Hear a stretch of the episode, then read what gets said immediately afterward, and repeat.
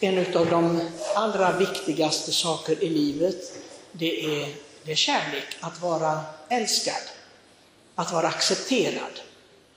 Och det finns många människor i vår värld, tyvärr, som inte erkänner sig eller känner sig älskad och accepterad av andra.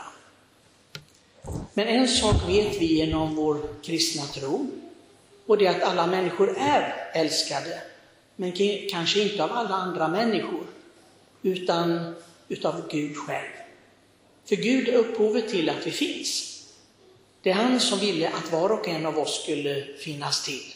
Naturligtvis med hjälp av våra föräldrar. Men det var Gud som ville att vi skulle finnas till och därför finns vi. Och därför är det ett brott mot Gud när man inte respekterar varandra. Det förstår vi nog. För varje människa är helig. Varje människa är skapad till Guds avbild säger vi, alltså att likna Gud. Men hur liknar vi Gud? Liknar vi Gud i utseendet? Tror ni det? Någon av oss? Nej, det gör vi inte. Men vi liknar Gud på en viktig punkt och det talar Jesus om här i evangeliet. Att vi är odödliga. När en gång människan föds så föds hon med en själ. Och den syns ju inte, eller hur? Det är precis som elektriciteten i kontakten. Vi vet att det är en väldigt stor kraft, men vi ser den inte med blotta ögat. Och vår själ, den är odödlig. Det har vi inte själva valt, men så ville Gud. Och det var likheten med honom. Så fysiskt är det ingen som liknar Gud. Men däremot liknar vi honom genom det eviga livet som vi får. Inte riktigt på samma sätt, för Gud fanns ju före alltid, före ingen, ingen början. Vi däremot har en början, när vi kom till. Men Gud ville att det här livet som vi har fått av honom, det skulle ha en mening. Och det har alla människors liv. Och meningen, det är inte vad vi sysslar med sen i livet. Om vi får viktiga jobb eller inte, vilken utbildning vi får, ingenting sådant. Inte ens hur många vänner vi får. En gång så skojade mina medbröder med mig, de frågade hur många Facebook-vänner har du? Ja, sa jag då hur många det var. Tror du verkligen att det är dina vänner? Nej, nej, jag vet att det bara heter så. Men jag har en riktig vän, men han är inte med på Facebook, och det är Jesus. Det är den riktiga vännen, det vet jag. Och även vad andra människor tycker om mig, eller inte tycker om mig, så har jag den vännen, för det har han själv lovat. Och Gud säger redan i Gamla Testamentet, i Bibeln står det, Gud avskyr ingenting av vad han har skapat. Det vill säga, han älskar alla. Oavsett också vad vi gör i livet, även om det blir fel i livet. Gud älskar var och en. Men han ville göra det också på ett påtagligt sätt genom Jesus Kristus, för Jesus är ju Gud. För apostlarna frågar, visa oss Fadern, vi vill se Fadern, du har ju makt att visa oss Fadern. Och vad säger Jesus? Han säger, den som har sett mig har sett Fadern, det vill säga, jag är Gud. Och under historien med Guds folk, de som trodde på honom, de var slavar i ett land. Kommer ni ihåg vilket land de var slavar i? Kommer ni ihåg det? Egypten. De var slavar i Egypten lång, lång tid. Och Gud lovade befrielse genom Mose. Och eh, när de kom ut ur Egypten så var jag tvungen att ge dem någonting att äta. Och de fick ett bröd, det som kallas manna.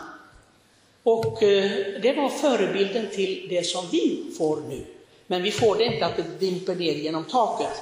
Det kommer genom prästen. Prästen som är giltigt vigd av biskopen kan säga att detta är min kropp, detta är mitt blod, men inte att det är prästens kropp och blod, utan Jesus Kristus, att han kommer fysiskt till oss.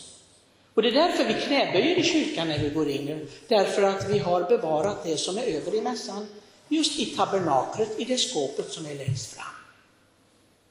Och han säger, jag är livets bröd. Bröd och vin, varför tror ni att han använder det? Därför att brödet, det symboliserar det vi inte kan leva utan. Alltså det som vi behöver för att, för att kunna leva. Han är det som vi behöver för att kunna leva i evigheten. Och vinet, vinet var alltid symbol för glädjen. i Bibeln. Och ibland kan man få lite för mycket av vin, va? då man blir lite för glad. Det kanske ni har märkt ibland. Men det är inte den symbolen, utan just den fullkomliga glädjen att människan som förstår sig vara älskad av Gud, hon har glädje och trygghet inom sig. Jag skulle vilja kalla det för trygghet. För det är en stor trygghet att känna att man har Gud vid sin sida hela livet, oavsett vad som händer. Och oavsett också om andra människor är vänner till mig eller inte. Och det är det som Jesus ger i eukaristin, och det heter ju, ni ska ta emot den första, vad ska ni ta emot? Kommunionen. Vet du vad kommunion betyder? Gemenskap. Det betyder gemenskap. Gemenskap med Kristus, med Gud, men också gemenskap med oss varandra som är syskon i tro. För det är det vad vi är, bröder och systrar i tro. Och vi får en särskild gemenskap med alla de som också tar emot kommunionen, tar emot Kristus. Och vi bildar en familj som vi kallar för kyrkan. Men vi ska vara väldigt tacksamma för detta. det finns väldigt många människor i världen som aldrig får ta emot Kristus i kommunionen. Många, många människor, miljarder människor, som inte har denna vägen. Så det är ingenting naturligt kan man säga, utan det är övernaturligt. Jesus har velat ha oss här och vi har sagt ja till det. Och jag hoppas verkligen i kyrkans namn att ni ska få den här gemenskapen, förstå vad det betyder för er. Jag brukar alltid ta en liten historia från ett helgon.